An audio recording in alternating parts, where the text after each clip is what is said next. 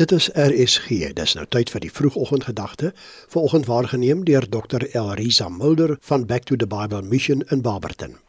Ons tema hierdie week is blydskap en ek groet jou in die naam van die drie enige God. Ek wil graag met jou praat oor jou lewensroeping vanmôre.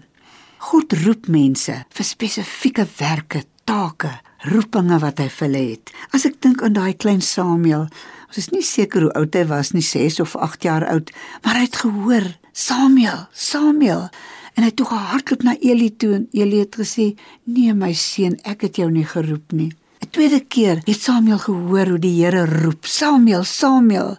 En weer gehardloop hierdie gehoorsame kind tot by oupa Eli en hy het weer gesê: "Nee." Maar die derde keer, toe besef Eli dit is God wat roep na hierdie kind. Ja, God praat met kinders ook en hoe dat God sy hart ontbloot het vir hierdie seentjie. So het die Here vir Moses geroep by die brandende braambos en vir hom gesê: "Trek die skoene van jou voete, want die grond waarop jy staan is heilige grond."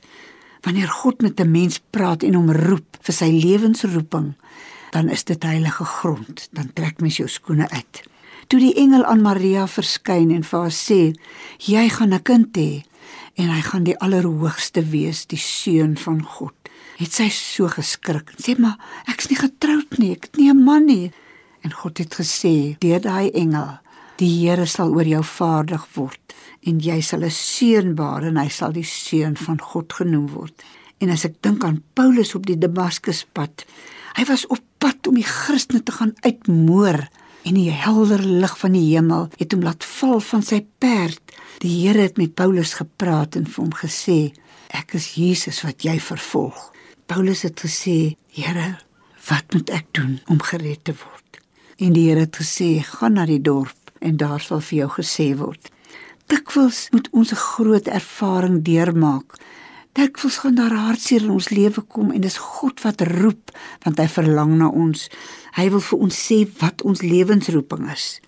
Die Here weet waar hy jou talente die beste kan gebruik. Eers gee jou lewe vir die Here.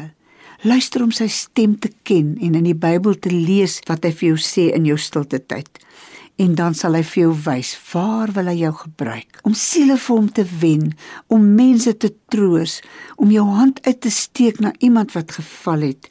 Die Here het 'n plan vir jou. Vind uit by hom sodat jy met vreugde hom kan dien en jou kan uitleef. Here, wys vir elkeen wat nou luister, wat is u lewensroeping vir hom of vir haar? Ek bid dit in Jesus naam. Amen.